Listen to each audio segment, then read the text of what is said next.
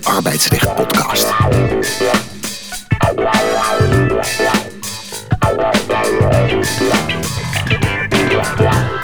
Gepresenteerd door Veerde Korstens. Welkom bij deze aflevering van de Arbeidsrecht Podcast. De podcast waarin je tijdens het autorijden, het koken, het fietsen of gewoon op de bank zitten op de hoogte gebracht wordt van wat er nu speelt in het arbeidsrecht. Momenteel is dat de wet arbeidsmarkt in balans, die op 1 januari in werking treedt en flexibel werken meer mogelijk moet gaan maken, maar ook weer niet te flexibel. Het is een hot onderwerp. Want nu die wet wel heel dichtbij komt, vind je overal tips, meningen en buitelt iedereen over elkaar heen met cijfers en oplossingen. Maar laten we het er nu eens over hebben met experts die er echt verstand van hebben. En dan heb ik het over Pascal Kruid, gepromoveerd aan de Erasmus Universiteit Rotterdam en partner bij Boontje Advocaten. Ook van diezelfde Erasmus Universiteit afkomstig is mijn andere gesprekspartner, Ruben Houweling. Hij is hoogleraar arbeidsrecht aan deze universiteit, tevens redacteur van drie juridische tijdschriften, hoofdredacteur en oprichter van AR-updates en ook nog legal counsel bij Dingemans van der Kind Advocaten. Van harte welkom, heren. Uh, hebben jullie veel reacties gekregen op de vorige aflevering? Heeft de commissie Borstlap al gebeld bijvoorbeeld? Ja, de commissie Borstlap uh, spreekt met, met allerlei belangrijke stakeholders in het, uh, in, het, in het veld en in het land. En, uh, dus ook met jou? nou, ik denk dat de, dat, dat de commissie Borstlap goede adviezen altijd ter, ter, ter harte neemt. Zoals onze vorige podcast natuurlijk. ik denk dat ze heel modern zijn en ook podcast luisteren.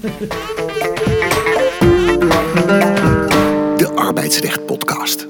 De vorige keer hebben we het al gehad over waarom deze wet er moest komen en hoe zinvol of zinloos het is om pleisters te plakken. Vandaag gaan we iets dieper in op de gevolgen voor het ontslagrecht. We gaan drie dingen bespreken en wel de cumulatiegrond, de transitievergoeding en de compensatieregeling. Om te beginnen met die eerste, de cumulatiegrond. Wat verandert hier? Omdat wij pleisters plakken. Waarom de nut en noodzaak van pleisters plakken. Daar wil ik heel even, dat ik heel even bij hangen. Deze kruidsel. Ja, deze wat, wat, gaat, wat er gaat veranderen? Ja, wat verandert er met deze nieuwe wet? Uh, nou, eigenlijk alle uitgangspunten zoals in de WWZ waren opgenomen. Namelijk dat je een voldragen ontslaggrond moet hebben. Die uh, worden losgelaten. Omdat uh, per 1 januari 2020 het mogelijk is om eigenlijk weer alle omstandigheden uh, van een ontslagzaak op één hoop te vegen en onder de nieuwe I-grond te brengen.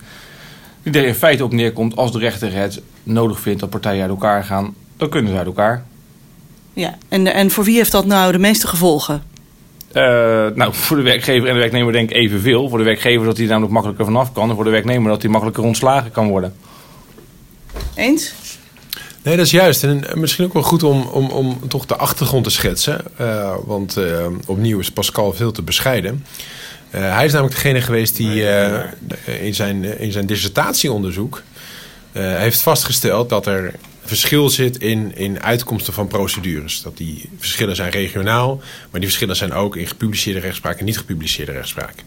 Waarom zeg ik dit in het licht van de I-grond? Is omdat uh, Pascal al gelijk zei van jongens, toen de WWZ in werking trad, met, die, met dat grondenstelsel, zei, ja, daar moeten we, dat, dat moeten we gaan volgen. Want de, de, de vrees was, was, was groot, en dat was ook zeer terecht, dat het tot een verstarring van het ontslagrecht ging leiden. Nou, Is lang gebeurd? Uh, nou, het onderzoek van, uh, van Pascal samen met zijn kantoorgenoot uh, Ilse Kersten heeft, heeft laten zien dat inderdaad er een verviervoudiging van het aantal afwijzingen uh, in ontbindingsprocedures plaatsvond. Nou, dat is natuurlijk niet gering als je het hebt over een uh, mm -hmm. verviervoudiging. En dat was ook in 2016 heeft uh, Pascal toen gepresenteerd op een groot congres in Rotterdam, notabene. Mm -hmm. en ik denk dat dat toch ook wel een wake-up call is geweest voor de bewindslieden en de, de beleidsmakers. Om te zeggen, ja, misschien moeten we toch even goed kijken naar het grondenstelsel. En dat is denk ik uiteindelijk een, een basis geweest, een aanleiding geweest tot de I-grond het was allemaal bedoeld zodat werkgevers makkelijker werknemers kunnen ontslaan. Werkt dat? Kijk, we moeten denk ik ook oppassen als je zegt van het, het was bedoeld om makkelijker te ontslaan. Um, ik denk dat de I-grond vooral een correctie is op het onbedoelde effect van de WWZ. Dat het opeens aanmerkelijk lastiger werd om mensen te ontslaan. Okay. Dus, dus je zou kunnen zeggen, het is eigenlijk een soort correctie op op iets wat nooit echt bedoeld was. Uh, en dat is natuurlijk altijd achteraf praten. Want je kan ook zeggen, nee, dat was juist wel de bedoeling. uh, maar in de WWZ, dus de vorige grote wetswijziging... Uh, was in ieder geval uitdrukkelijk niet de bedoeling om vast vaster te maken. Dat was wel een effect. En dat was wel het effect. en dat wordt nu met de WAP eigenlijk gecorrigeerd. Oké. Okay. Klopt allemaal zo? Tot zover? Dat lijkt mij helemaal juist. Dan uh, gaan we al verder met één vaste vraag. En uh, die stel ik dit keer aan Ruben. De vaste vraag. Als jij op een dag op de stoel van een rechter zou mogen zitten, in welke zaak zou je dan graag uitspraak willen doen? Waar gaan jouw handen jeuken? Nou, op dit moment is, uh, is dat uh, denk ik uh, de slapende dienstverbanderszaak. dat is een, ik denk dat dat met, met stip op één de uitspraak van 2019 gaat worden. daar zullen we het zo meteen ook nog kort over hebben als het gaat om transitievergoeding. Mm -hmm. Maar dat gaat inderdaad om het beëindigen van dienstverbanden van mensen die langer dan twee jaar arbeidsongeschikt zijn. Uh, die normaal gesproken inderdaad netjes door de werkgever worden ontslagen. Want ja, uh, waarom zou ik ze nog in dienst houden? Maar nu eigenlijk angstvallig op de payroll worden gehouden. Omdat als die werkgever die werknemers ontslaat, moet hij een hoge transitievergoeding betalen. En dat, ja, daar bedankt hij eigenlijk voor. Nou, en daar is nu een procedure bij de Hoge Raad. Waarin uh, eigenlijk simpelweg de vraag wordt voorgelegd. Is nou een werkgever een niet fatsoenlijke werkgever als die iemand niet ontslaat? Omdat hij twee jaar lang arbeidsongeschikt is en eigenlijk rijkhalsend uitkijkt naar die transitievergoeding die hij maar niet, maar niet krijgt. In de context van een compensatiepotje die vanaf 1 april 2020 ja. er zal zijn. Daar nou, gaan we het zo natuurlijk over hebben. Ja. Dus die rechtszaak loopt eigenlijk vooruit op de nieuwe wet. Of ja. de wet die is er eigenlijk al, is dan die rechtszaak straks overbodig? Dat laatste niet, maar hij loopt wel vooruit op, op, op, op recht wat komen gaat. Uh, hij wordt niet ingehaald, omdat de vraag uh, ook als die wet uh, in, in, werking is getreden 1 april 2020, blijft die vraag relevant. Wat als mijn werkgever mij niet wil ontslaan? Want die werkgever kan natuurlijk simpelweg zeggen, ja, je kan ook zelf ontslag nemen. Dat nog steeds doen. Nou, lijkt me prachtig, want er zitten allemaal hele fundamentele vragen in. En ook daarover heeft Kruid heel mooi al een keer eerder opgemerkt en geschreven van, ja, dit is wel de Hoge Raad is toch met, die, met al die pleistertjes en correcties op de WWZ. Je zit de Hoge Raad bijna op de stoel van de wetgever. Nou, dat spanningsveld, dat als je zegt van nou, wat zij nou graag willen doen. Nou, ik zou wel graag op dat spanningsveld uh, willen acteren. Kijk aan. Uh, laten we dan gaan inderdaad naar die transitievergoeding. Hoe was de situatie en hoe, hoe wordt die nu per 1 januari? Uh, die transitievergoeding die kent eigenlijk een, een aantal wijzigingen. Uh, op dit moment is het nog zo dat je minimaal twee jaar in dienst moet zijn bij een werkgever voordat je aanspraak kan maken op een transitievergoeding. En dat betekent dat iedereen die bijvoorbeeld een jaarcontract heeft en wat niet verlengd wordt, geen aanspraak maakt op een, uh, op een transitievergoeding. Uh, die reverte-eis van twee jaar in dienst, die komt per 1 januari te vervallen. Dat betekent dat iedere werknemer vanaf dag 1 van zijn dienstverband recht heeft op betaling van de transitievergoeding. Ook als jij in je proeftijd wordt ontslagen na vijf dagen, moet de werkgever over die oh. vijf dagen nog yeah. pro rato een transitievergoeding En dan hebben we het over... Over weinig. Als je een modaal salaris van 3000 euro hebt, je wordt na vijf dagen ontslagen, dan heb je nog recht op 22 euro bruto aan transitievergoeding. Dan kan je nou ja, net van naar de McDonald's. maar daar dat... gaat niemand voor procederen natuurlijk.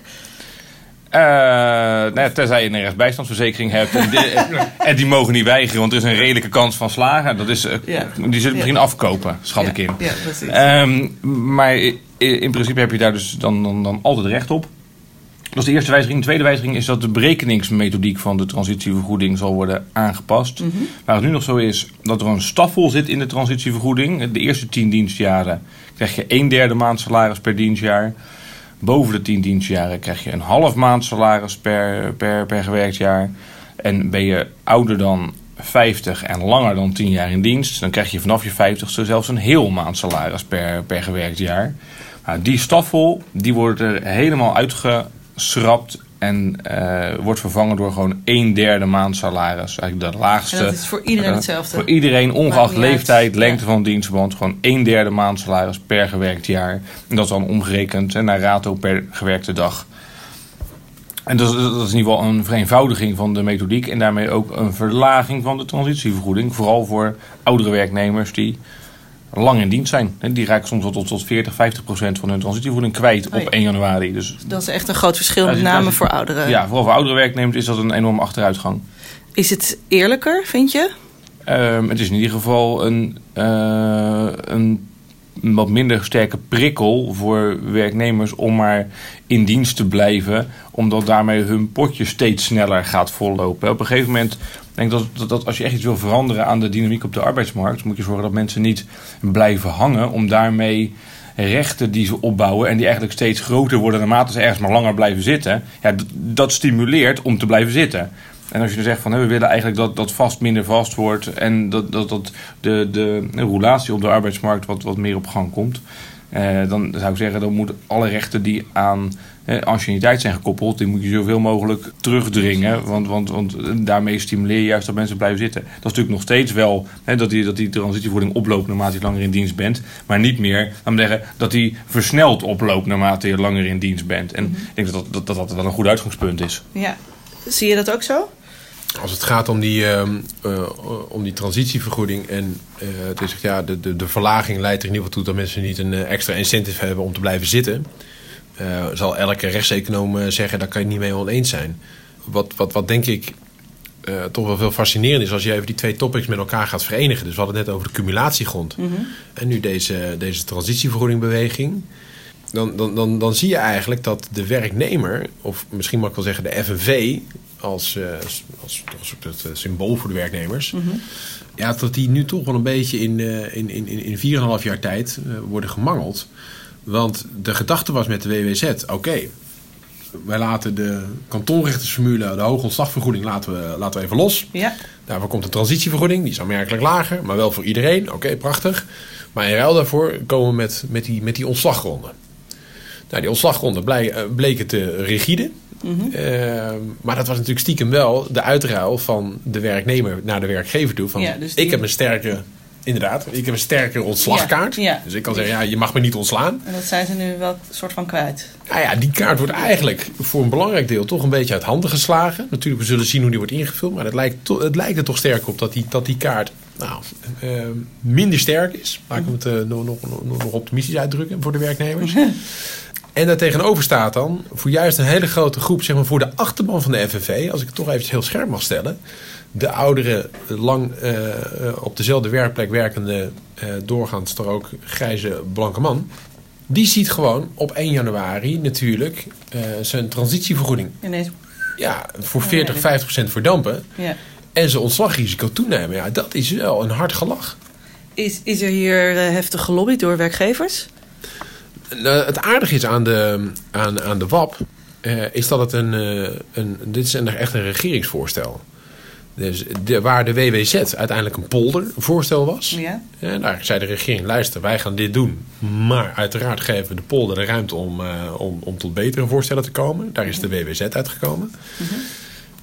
Dat is niet gelukt bij de WAP. Toen heeft de regering gezegd: oké, maar dan gaan we het zelf doen. En of dat, dat weet ik echt oprecht niet. Eh, het kan zijn dat, dat werkgevers in Nederland dachten: ja, als, als, als, als dit de richting is van de regering, die ons eigenlijk wel heel goed uitkomt, ja, waarom, waarom is er dan voor ons nog veel aangelegen om er een, een poldermodel uit te slaan? Maar ik denk wel toch wel een hard gelach. En natuurlijk zou je kunnen zeggen, daar staat tegenover een cumulatievergoeding. Maar of dat, dat alles corrigeert, nou, dat kan Pascal weer beter beantwoorden. Ja, dat betekent dat als je op die, eh, op die I- nieuwe I-grond wordt ontslagen, dat de rechter de bevoegdheid heeft om, als hij daar aanleiding toe ziet, maximaal een halve transitievergoeding aan aanvullende vergoeding toe te kennen. Dat is een discretionaire bevoegdheid, dus de rechter hoeft dat niet per se te doen. Hij mag dat doen. Hij mag ook iets tussen, laten we zeggen, nul en een halve transitievergoeding Ja. toekennen. Als je dan weet dat die transitievergoedingen, die gaan dus drastisch omlaag. Ja, en als je daar nog eens een keertje de helft van neemt, of zelfs nog minder dan de helft, ja, dan kan je er dus iets bij doen. Maar eh, dat is natuurlijk niet gek veel. Nee. Ehm, En dan moet de rechter er altijd weer aan te pas komen. en dan moet de rechter er altijd aan de pas komen. Nou denk ik wel dat als je ziet het verschil tussen één en anderhalve transitievergoeding, want daar heb je het dan in eh, Ja. tezamen over, Maximaal. dat dat maximaal dat dat verschil in de praktijk, zeker als een werknemer niet 40 jaar in dienst is, maar gewoon eh 6 jaar in dienst is, dat is zo ontzettend klein dat een, eh, als jij een transitievergoeding hebt van 8000 euro, ja, dan is anderhalve transitievergoeding is 12.000 euro. Daar kan een werkgever niet eens voor procederen voor 4000 euro. Dus die zal zeggen, weet je wat, ik tik gewoon die anderhalve transitievergoeding op voorhand al af en dan praten we Ja. nergens meer over. Dan is er voor jouw werknemer in een procedure eigenlijk niks meer te winnen. Nee. Eh, alleen maar te verliezen. Ja. En eh, voor ons is het gewoon kostenbaten. En eh tikken die 12 af. En eh, dat Ja. is het. En, maar wel voor die, voor die eh, oudere werknemers die inderdaad, zoals jij terecht zegt, vooral bij de FNV zitten eh, oudere werknemers veel. Die, die gaan er wel eh, op achteruit. Komen die in opstand, denk je? Nou, in opstand. Het is niet in de Nederlandse cultuur om in opstand te komen. Ik denk, denk dat, dat er ook ja, niet zo heel veel meer aan te doen is. Dit wordt gewoon per 1 januari ingevoerd. En ik, ik zeg altijd maar zo, in mijn eigen praktijk... ik ken geen enkele werkgever die zijn allerbeste werknemers gaat ontslaan. Hè, De kip met de gouden eieren, die ga je niet wegdoen. Dus ja, ik zou zeggen, als je als werknemer gewoon zorgt dat je goed presteert, dan word je ook niet ontslagen. Dat is wel heel makkelijk gezegd, hè? En, en- en- en zo simpel is het. Ja, nou, ik, ik wil het toch wel even opnemen voor de FNV in deze. Want eh, ik denk dat ehm, de FNV met de WWZ echt een, een, een, een, een mooi compromis heeft willen bewerkstelligen. Ik denk dat ze daar heel goed eh, een transitievergoeding voor iedereen, waar voorheen het toch een beetje afhankelijk was welke procedure er werd gestart, kreeg je of veel of je kreeg niks. Dus, dus dat, dat, daar, daar, zat een, daar zat een gedachte in ieder geval achter. Ja, en, en eh, in, in die zin, eh, jouw vraag, er zat, er zat een ondertoon in van denk je toch niet dat er een bepaalde groep werknemers is die kwetsbaarder wordt? Nou ja, als er voorspellingen zijn dat we in 2021, 2022 een recessie induiken. En er opeens weer druk komt. Hè, waar nu natuurlijk vooral de vraag is naar... heb je überhaupt nog arbeidskrachten? Want ik, ik, krijg, ik krijg het werk niet weggezet. Maar als daar weer druk op komt... dat opeens de dysfunctioneringsdossiers boven tafel komen... van ja, eigenlijk vond ik je al die tijd niet goed functioneren... maar ik heb er niks aan gedaan.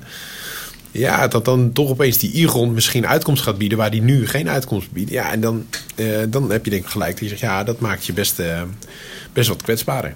Nou ja, we gaan, we gaan het eh, merken, denk ik. En ik zie hier voor jou ligt, eh, ligt eh, de wet arbeidsmarkt en balans. Eh, dit heb jij geschreven. Tenminste, niet- de, niet, niet- de wet. niet de wet zelf, niet de wet, maar de, de toelichting. Was jij het? ik dacht er al. Oké, ik zal, zal kleur bekennen. Nee hoor, dit is een, een geconsolideerde wettekst. Gewoon een, eh, een, een, mooi, een mooi handzaam eh, bundeltje. Precies, die is van Boom Juridisch. En we gaan even naar Weert Soetenhorst van Boom Juridisch. Die ons kan vertellen welke publicaties je moet bekijken en lezen. Wat moeten we lezen, bekijken of luisteren van uitgeverij Boom? Nou, daar gaan we dan. Eh, er komt weer een heel nieuw eh, eh, circus rond de WAP. En eh, wij verwachten eigenlijk dat alles wat we voor de WWZ hebben gedaan, dat we dat eh, gaan vernieuwen voor WAP. En dat betekent dat er een nieuwe poster komt met eh, Mirjam de Blekoer samen. Er komt een nieuwe druk van de WWZ in modellen, ook met aanpassingen rond de WNRA natuurlijk. En dat is met Ten Holte Noordam, Ruben Houweling en Pascal Kruid van Boontje Advocaten. Ja, die kennen we. Dan komt hij nog een keertje langs, want eh, hij gaat ook een nieuwe druk maken, Pascal Kruid van de Q&A eh, arbeidsrecht. En tenslotte hebben we nog twee kleine titels. We verwachten een korte introductie. Eh, dat is trouwens ook met een auteur van Boontje Advocaten. En we komen met een nieuwe druk van de Boom Basics ontslagrecht. Dus eh, voor ons een, eh, een letterlijk en figuurlijk een drukke tijd. Laat ik nog twee hele belangrijke dingen niet vergeten. Eigenlijk misschien wel de allerbelangrijkste zou ik bijna Aha. zeggen. Dat is namelijk een, eh, wederom een parlementair geschiedenisboek van rond de WAP. En, de, eh, en die is inmiddels al verschenen, de tekstuitgave die we ook hebben gemaakt. En daar is inmiddels alweer een tweede druk van. En de nieuwe derde en meest recente druk, die verschijnt in september. En de rest zal in de loop van het najaar gaan verschijnen. De parlementaire geschiedenis in november. Ja, en dan druppelt het een beetje door. Dus En dit vinden we allemaal bij Boom Juridisch. staat op onze, onze website www.boomdenhaag.nl is het geloof ik. Ik weet het niet eens. ik weet niet eens hoe die website heet. Maakt niet uit. Oké, dan gaan we kijken. En dan is er nog één onderdeel eh, aan die wet wat betrekking heeft met ontslag. En dat is de compensatieregeling. Ehm, en jij had het er net al even over, Ruben. Eh, die gaat per 1 april in. Waarom dan pas eigenlijk? Ja, dat is een goede vraag. Geen idee. Oh, jij lacht heel geheimzinnig, Pascal. Weet jij hier meer van? Nee, nee, nee, nee, nee, nee, nee. Mooi dat Ruben deze vraag krijgt. En ik denk van, nou, goede vraag. Kan jij die beantwoorden, Ruben? Nee, nee ik, ik, ik, weet, ik weet het fijne niet van. Dat heeft waarschijnlijk te maken met eh, één met, eh, met, met, het, met systemen van, eh, van UWV. Volgens mij ook met de uitkeringsverwerking. Ja. Punt. Nee, ik weet het niet. Oké. Oké. Eh, nou, wat, wat betekent die compensatieregeling en voor wie? De compensatieregeling houdt in dat ehm, eh, voor de slapende dienstmannen, die we, wat we net al even noemden, Ja. eh, dat een werkgever te maken heeft met werknemers die die al twee jaar lang op zijn payroll heeft gehad, waar die het loon van heeft doorbetaald, maar die toch niet kunnen reïntegreren in het bedrijf. En waar die afscheid van wil nemen. Maar omdat hij afscheid eh, neemt, is hij een transitievergoeding verschuldigd. En Ja. dat, dat, dat kan enorm in de papieren lopen. Eh, zo sprak ik laatst iemand die zei: Ja, Ruben, eh, ik heb 308 slapende dienstverbanden. Dus het gaat Zo. om een, eh, om een transitieclaim van, van 3,2 miljoen euro. Ja, dat, dat gaat wel ergens over. Ehm, Maar dat is dan dus goedkoper om mensen in dienst te houden dan om ze een transitievergoeding te geven. Dat is correct, want de loondoorbetalingsverplichting is geëindigd. Dus die mensen die, die, die, die, die volledig, zeker als ze volledig arbeidsongeschikt zijn uitgevallen, ja, die kosten mij niks, dan wel bijna niks. Ik, ik hoef niks meer door te betalen. Uh, nu zal elke werknemersadvocaat zeggen: ja, maar je hebt een risico dat ze weer terugkeren. Je hebt wel reïntegratieverplichting. Maar ja, maar als dat gewoon, uh, als die, al die uh, reïntegratieopties al zijn verkend, ja, dan is het echt gewoon een slaper. Nou, noemt het ook een slaper. Iemand die, hij is er wel, maar hij slaapt. Ik heb er verder niks aan, ik zie hem ook niet. Dus daar heb ik eigenlijk geen last van. Uh, terwijl als ik actief ga beëindigen, dan moet ik opeens die, die, die 80.000 euro uh, gaan, gaan ophoesten per werknemer. Ja, daar heb ik niet, uh, niet, niet zoveel zin in. Omgekeerd denkt die werknemer natuurlijk, die ziet die 80.000 euro daar liggen, omdat hij een, een, hele hoge transitievergoeding heeft. En, en die snapt gewoon niet, werkgever, waarom beëindig jij die relatie niet? Want je hebt niks meer aan mij, ik, ik kan ook niks meer voor jou betekenen. Je blijft lekker zitten wachten. Ja, dit, dit is eigenlijk, uh, ja, we zijn je aan het uitroken. En, en, en, en je, je, bereikt vanzelf de pensioengerechtigde leeftijd. Nou, dan geldt er geen transitievergoeding meer in Nederland. Mm -hmm. Het is of AOW-leeftijd, ja, of uh, misschien kom je voor die tijd te overlijden. Ja, dan krijg je ook geen transitievergoeding. Um, uh, en ondertussen kan die geen andere baan aannemen. Nou ja, dat kan dan misschien ook niet, want... Nou, de, de, dat ligt nog aan. Hij zou natuurlijk geschikt kunnen zijn voor ander werk. Maar sterker nog, die werkgevers hebben misschien wel... joh, als jij, andere, als jij een andere baan kan, moet je vooral doen. Uh, maar neem je vooral zelf ontslag. Ja, ja, Want als je zelf ontslag neemt, ook dan ben ik geen transitievergoeding uh, verschuld. Dus je, je, je, komt hier in een catch-22... waarin iedereen uh, elkaar een beetje een houtgreep heeft. Maar om heel eerlijk te zijn, de werkgever natuurlijk wel onbegrijpelijke wijze zegt... van ja, waarom zou ik nu beëindigen? Nou, omdat toch in beweging te krijgen, is er een compensatieregeling gekomen die inhoudt: werkgever, als jij beëindigt en jij betaalt die 80.000 euro of 30.000 euro of 40.000, wat het ook nog is, die transitievergoeding, die betaal je aan de werknemer. Dus werkgever, je moet wel eerst betalen. Dan kan vervolgens de werkgever daarna met dat bonnetje van ik heb net geld betaald aan die werknemer waar ik afscheid van heb genomen, mm -hmm. omdat hij ziek was, kan je naar UWV. Ja. En dan gaat UWV dat bedrag geheel of voor een belangrijk deel compenseren. Dus ik krijg het gewoon weer terug. Ja. Dus dat is eigenlijk gunstig voor zowel werkgever als werknemer, want die zijn van elkaar verlost.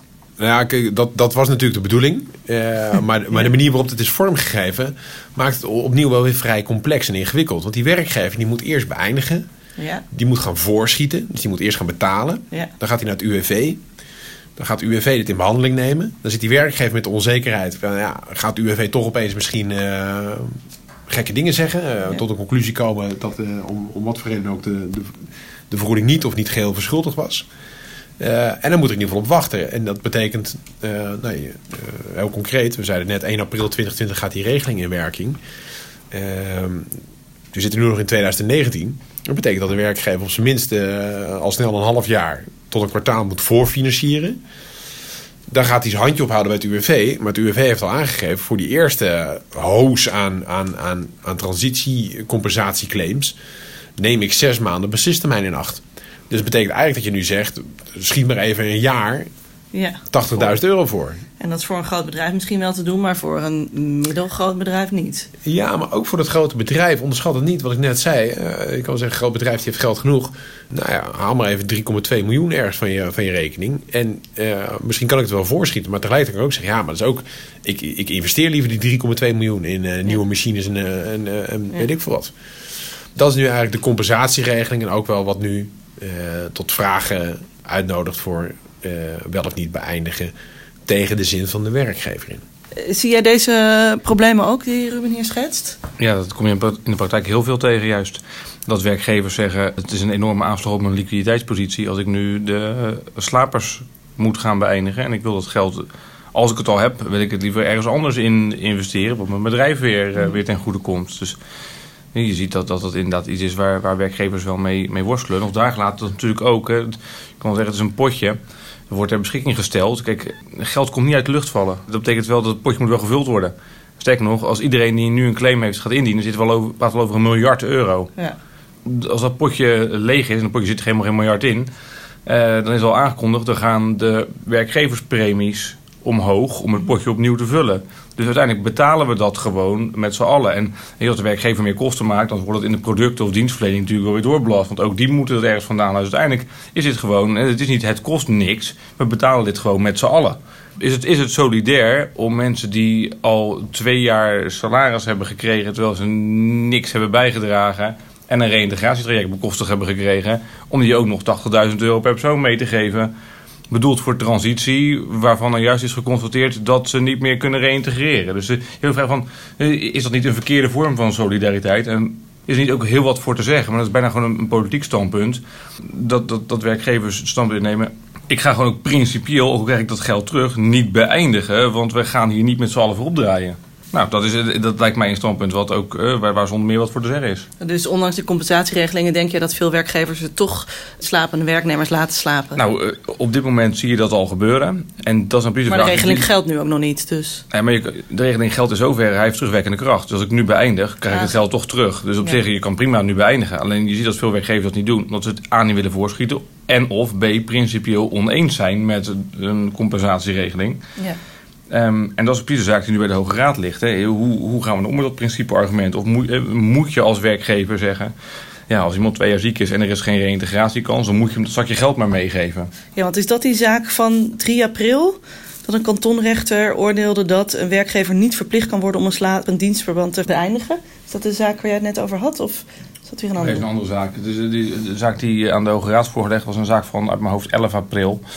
Uh, maar er zijn een veelheid van deze uitspraken, er zijn er ook wel tien uh, gewezen, waarvan wat gros uh, op neerkomt. Je hoeft het niet te beëindigen, een slapend dienstverband. Ja. Maar er is ook een aantal kantonrechters geweest dat heeft gezegd: ja, je moet het wel beëindigen, want het is in strijd met goed werkgeverschap. Ja. Op het moment dat je een slapend dienstverband, wat eigenlijk een lege huls is, als je die niet beëindigt. En de vraag die nu aan de Hoge Raad is voorgelegd door een van de rechters is. Is dat nou inderdaad slecht werkgeverschap op het moment ja. dat je zo'n slaper niet beëindigt? En hem dus als het ware zijn transitievoering onthoudt. Als ik jou zo hoor, vind jij dat niet? Vind je het geen slecht werkgeverschap? Nee, zonder meer niet. Nee, maar de, de advocaat-generaal heeft daar vorige week over geconcludeerd en die vond het wel. Nou ja, ja. dat is ook dat, dat, dat kan, dat mag. Uh, dus wil ik zeggen, want het is bijna ook gewoon een sociaal-politiek ja, standpunt. En, ja. en, en, ik vind dat solidariteit niet zo ver hoeft te gaan dat zieke werknemers die toch al tot in het oneindige beschermd worden in Nederland, nog een stap verder in die bescherming uh, moeten komen. Maar daar, daar kan je dus afhankelijk van, denk ik, politieke kleur ook anders tegenaan kijken. En daar hadden we het vorige keer natuurlijk al over dat je hier sowieso in Nederland twee jaar wordt doorbetaald, waar dat in andere landen zes weken is. Uh. Ik, ik, dat is al vrij riant, lijkt mij. Ja. Uh, zie jij dit ook zo? Ja, ik vind het heel lastig. Uh, ik vind het heel ingewikkeld om een werkgever te verwijten dat die iemand niet ontslaat. want dat is eigenlijk in de kern wat je natuurlijk zegt. Van, mm -hmm. Ja, je ontslaapt me niet en dat had je wel moeten doen. Dat vind ik heel ingewikkeld. aan de andere kant, en dat is een beetje wat de advocaat-generaal in, in september overwoog. Die zei, ja, die maakt eigenlijk een soort drietrapsraket. Die zegt, één, ik zie dat die transitievergoeding uitdrukkelijk uh, is bedoeld voor iedereen waarvan een dienstverband eindigt, behalve als die zelf eindigt, uh, of dat op een stoute manier doet. Maar daar is uitdrukkelijk de vraag gesteld: moet ook iemand die twee jaar lang arbeidsongeschikt is geweest, moet hij een transitievergoeding krijgen? Toen is gezegd ja. ook als hij een, een IVA-uitkering, zeg maar de, de, de, ja, de invaliditeitsuitkering, en waarvan we eigenlijk gewoon weten, nou, dan kom je gewoon voorlopig echt helemaal niet meer terug heeft de minister toen echt uitdrukkelijk gezegd: ja, ook die. Eh, daar kan je van alles van vinden. Maar je kunt ja. ook kunnen zeggen, als je eventjes heel streng in de leer bent, zeggen: kennelijk hebben wij als democratische rechtsstaat. Vinden wij dat? Hebben wij met elkaar gezegd: iedereen krijgt die vergoeding. Ja. Dan krijg je de tweede stap, is dat we zeggen: hey, er kwamen problemen, die slapers. Toen is er een wet gekomen die dat moet compenseren. En uitdrukkelijk, als je dan alles leest, dan, dan, dan zeggen de bewindslieden opnieuw, onze democratisch samengestelde regering, die zegt: jongens, we hebben een compensatieregeling en nu moet u beëindigen. Kun je zeggen: ja, vind je leuk, ik wil niet luisteren naar. Uh, maar dat, dat is dan de strekking. Ja, en dan is de laatste stap: kan je mij nu ook dwingen? Daar, daar, daar, kan je van vinden dat, dat 611 daar ruimte voor geeft. Kijk, ik denk dat Pascal en ik het uh, absoluut eens zijn. We zeggen, we zijn gewoon heel ongelukkig met deze hele regeling. Ik vind, als je al Pascal gaat er denk ik nog een stapje verder in door te zeggen van nou, ik vind überhaupt niet dat die mensen überhaupt nog iets moeten krijgen. Maar als je wel vindt iedereen moet iets krijgen, Eh, dan snap ik eerlijk gezegd oprecht niet waarom we zo'n ingewikkelde constructie hebben bedacht. waarbij de werkgever eerst moet betalen en het vervolgens gaan verhalen. Wat zou dan jouw voorstel zijn? Nou, de compensatieregeling prima, maar dan moet je gewoon zeggen: als je na twee jaar arbeidsongeschiktheid. eh, het zij zelf ontslag neemt of wordt ontslagen. dan ga je naar het UWV en dan zeg je: beste UWV. Dit was mijn transitieclaim, wilt u die uitbetalen? En dan zal UWV zeggen: ja, ja, waar haal ik het geld vandaan? Nou, dat, dat betalen jij en ik via, via belastingen. Ja. Komt ergens in een potje. Dat is, eh, en, en dan zeggen we: dan dragen we het als samenleving. En dan zeggen we: dat is heel raar. Zeg, ja, we doen wel meer rare dingen in dit land. Dus Ja, en dat betekent dus eigenlijk dat het dan meer op de samenleving in plaats van op de werkgevers eh, de schouders neerkomt. nou ja, kijk, eh, uiteindelijk, uiteindelijk is dat een. samenleving. Ja, Uiteindelijk komt het allemaal op samen. Zeker, want dan aan die werkgevers, die moeten er echt vandaan halen hoor. Dat betekent Ja. gewoon dat jouw eh, brood bij de bakker weer een duurder wordt. ja, maar dan is het dus makkelijker om dat niet via een omweg van de werkgever. Want het Nee, is daar ben ik lastig helemaal mee Want, want daarmee krijg je voor de werkgevers ook, laat maar zeggen, het probleem van de werkgever. Die moet het geld weer ergens vandaan zien te toveren. Je kan beter zeggen tegen de werknemer, eh, dan ga jij het maar bij het, bij het UV halen. Dan snij je heel die werkgever ertussen uit. Dan maak je het geen werkgever-werknemer probleem. Maar... handiger of dat vind je terecht? Nou, het, het, zou in ieder geval praktischer zijn. Ik vind het nog steeds niet terecht. Want, het is je, want je gaat eigenlijk een stukje sociale zekerheid extra bieden. En je gaat die sociale zekerheid in de arbeidsrelatie stoppen. En de- eigenlijk is een ontslagvergoeding gewoon een stukje sociale zekerheid Ja. die je in de arbeidsrelatie hebt gestopt. Ja. Van, als we vinden dat de uitkering te laag is als iemand ontslagen wordt. Iemand heeft extra geld nodig, want de WW is onvoldoende. Verhoogt die WW dan voor de eerste zes maanden naar 100%. En zegt, daar, daar, daar zit je ontslagvoeding in verdisconteerd. Maar leg nou niet alles bij die werkgever neer. Die betaalt al, die moet al reïntegreren. Die moet de bedrijfsarts betalen. Die moet al in zo'n zo'n ziektetraject al zoveel betalen. Waarom moet je zo'n werkgever dan nog meer belasten met ook zo'n ontslagvergoeding? Ik denk dat, dat als je zegt van... We vinden dat mensen meer geld moeten krijgen bij ontslag, bij ziekte of bij ieder ontslag. Fix het. Hè, gooi de uitkeringen omhoog en dan moeten we op die manier maar met z'n allen dat, dat Omdat ophoesten. dat- Maar haal het uit die arbeidsrelatie en leg Ja. het niet bij die individuele werkgever neer. Oké. En nu gaat dit eh 1 januari in en de compensatieregeling 1 april. Gaan mensen nu als een gek voor die tijd nog even alles goed regelen? Nou, dat, daar, daar- daar, daar stel je een terechte vraag. Want eh, wat je nu ziet gebeuren is dat die transitievergoeding en de compensatieregeling eigenlijk effect hebben op, op onderhandelingen. Eh, op twee manieren. Eén, omdat die transitievergoeding op 1 januari naar beneden gaat, zie je nu strategisch gedrag eh, plaatsvinden. Waarin iedereen gewoon op een bierveeltje eigenlijk uitrekent wat, wat kost het. Even vanuit werkgeversperspectief, wat kost het mij nu als ik iemand ontsla? En wat kost het mij op 1 januari? Precies. En de uitruil, we zeiden net over die I-grond, hè, dus die, eh, die, die, die verlaging van die, eh, van die ontslagdrempel. Ja, maar wel dan met een iets hogere vergoeding. Maar dan zijn we ook weer, maar die vergoeding, alles bij elkaar stelt eigenlijk niet zoveel voor. Ja, je krijgt eigenlijk nu dat de werkgever zegt van, nou ja, ik heb nu misschien geen, geen dossier. eh, en kan dus niet ontslaan. Maar op 1 januari wel tegen een lagere vergoeding. Terwijl die werknemer denkt, ja, je hebt nu geen dossier. Maar ja, als ik nu word ontslagen, krijg ik een hogere vergoeding. En in dat kat-en-muisspel kunnen Kun natuurlijk onderhandelen. Kan je, kan je goed onderhandelen. Ah, Nou, kijk. dat, dat één, dat is eigenlijk hoe de, hoe de, hoe de WAP zijn schaduw vooruitwerpt. Ja. Bij de compensatieregeling speelt nog iets anders. En dat is dat die slapers, zou kunnen zeggen... jongens, ja, 1 april komt die compensatieregeling. Wacht nou gewoon even rustig. Nou, dan heb je eigenlijk twee redenen waarom mensen niet wachten. Eén, dat is de groep die gewoon zegt... ja, voor 1 april ben ik met pensioen. ja. Dus dan ben ik uit dienst. Dus ik wil voor die tijd wil ik het eigenlijk wel geregeld hebben. En twee is eh, de groep die zegt... ja, maar ik wil eigenlijk nu mijn claim tegen het huidige tarief, het hoge tarief... ja, eigenlijk hebben veiliggesteld, hebben afgetikt. En ik wil niet wachten tot 1 april. Strikt genomen zou je voor de laatste nog kunnen zeggen van... oké, ehm, eventueel eh, kan je gewoon op grond van de schadevergoedingsregeling... dan het verschil nog verdisconteerd krijgen tussen, tussen 2019 en 2020. Maar ik denk dat veel eh, eh, juristen, rechtsbijstandsverleners... toch zullen, zullen kijken naar wat is het overgangsrecht. En het overgangsrecht voor de transitievergoeding... ook overigens voor de I-grond... is eigenlijk vrij simpel en eenvoudig. Namelijk alle procedures die zijn gestart voor 1 januari... worden nog helemaal onder het oude recht afgedaan. Dus zowel Ja. qua grond als qua transitievergoedingsregeling. Oké, dus er zijn mensen die dan nu voor die tijd nog dat kunnen regelen. Wij spreken uiterlijk 31 december 2019 start ik een ontbindingsprocedure of eh, UWV aanvragen voor Ja. ontslag of een opzeggingsprocedure. Nou, als dat zo is gedaan, dan, eh, dan hou- behoud ik het oude recht.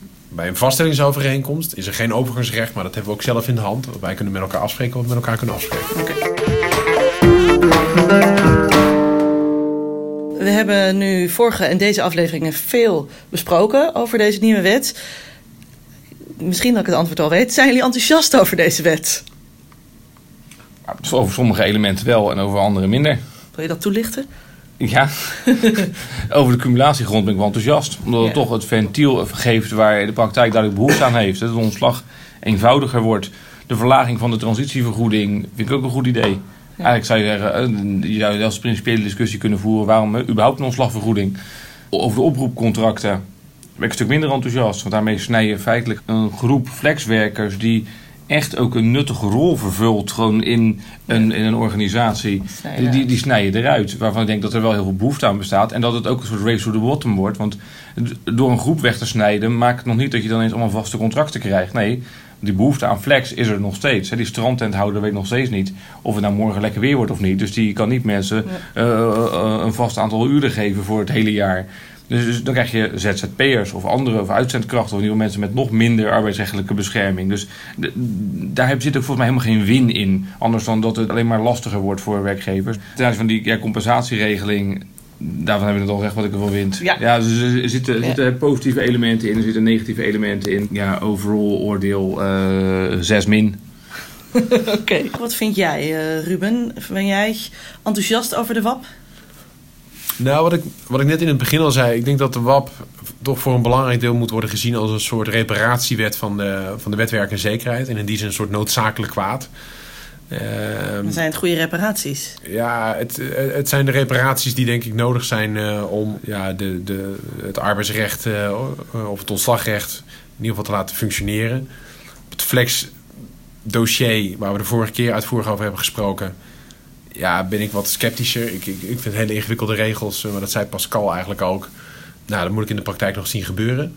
Eh, maar voor het, voor het ontslagrechtdeel zie ik dit echt als een correctie op de, op de WWZ. Maar dat roept eigenlijk de vraag, wat vond je van de wet werk en zekerheid? Ja. En eh, nou, daar heb ik altijd van gezegd, dat vind ik een, een wet die antwoord geeft op een probleem van de jaren 80 van de vorige eeuw. Ja. Eh, we zijn echt met elkaar in een hele dynamische arbeidsmarkt waarin we concurrentie van de wereld hebben, waarin eh, technologische ontwikkelingen ons voor uitdagingen stellen, enzovoort, enzovoort. Dat vergt visie op hoe ziet je arbeidsmarkt er de komende 40, 50 jaar uit. Nou, ik ben heel verheugd dat de commissie Borslab bezig is met, met, met, met, met te komen tot zo'n eh, tot zo'n integrale visie en voorstellen. Eh, de commissie Wetboek van Werk eh, doet dat ook. Maar het wordt eigenlijk nu echt wel hoog Hoog tijd. tijd dat er fundamentele herzieningen komen. Niet dat we om de drie jaar weer Weer pleisters plakken. inderdaad pleisters blijven plakken. Nou, dan zijn we eruit. We weten het. Er moet gewoon een hele goede nieuwe wet komen door de commissie Borstlab. Ik eh, bedank mijn gasten Pascal Kruid en Ruben Houweling. Fijn dat jullie deze wet met mij wilden bespreken. Smaakt het nou naar meer? Hopelijk horen we jullie weer terug in een volgende aflevering van de Arbeidspodcast van Boom Juridisch. Als er weer een belangrijke nieuwe ontwikkeling is, een nieuwe wet of een prangende juridische kwestie, dan zijn we weer bij jullie terug met een nieuwe aflevering van de Arbeidsrecht Podcast. Je mag altijd reageren, onderwerpen aandragen en meepraten via Twitter of LinkedIn. Of laat ons weten welk onderwerp je graag besproken wil zien de volgende keer. Dat kan bijvoorbeeld via LinkedIn van Boom Juridisch of van mij, Veerle Korstens, want ik was weer jullie host. De eindmix maakte Alfred Koster en wij horen u graag weer bij de volgende aflevering van de Arbeidsrecht Podcast. De Arbeidsrecht Podcast.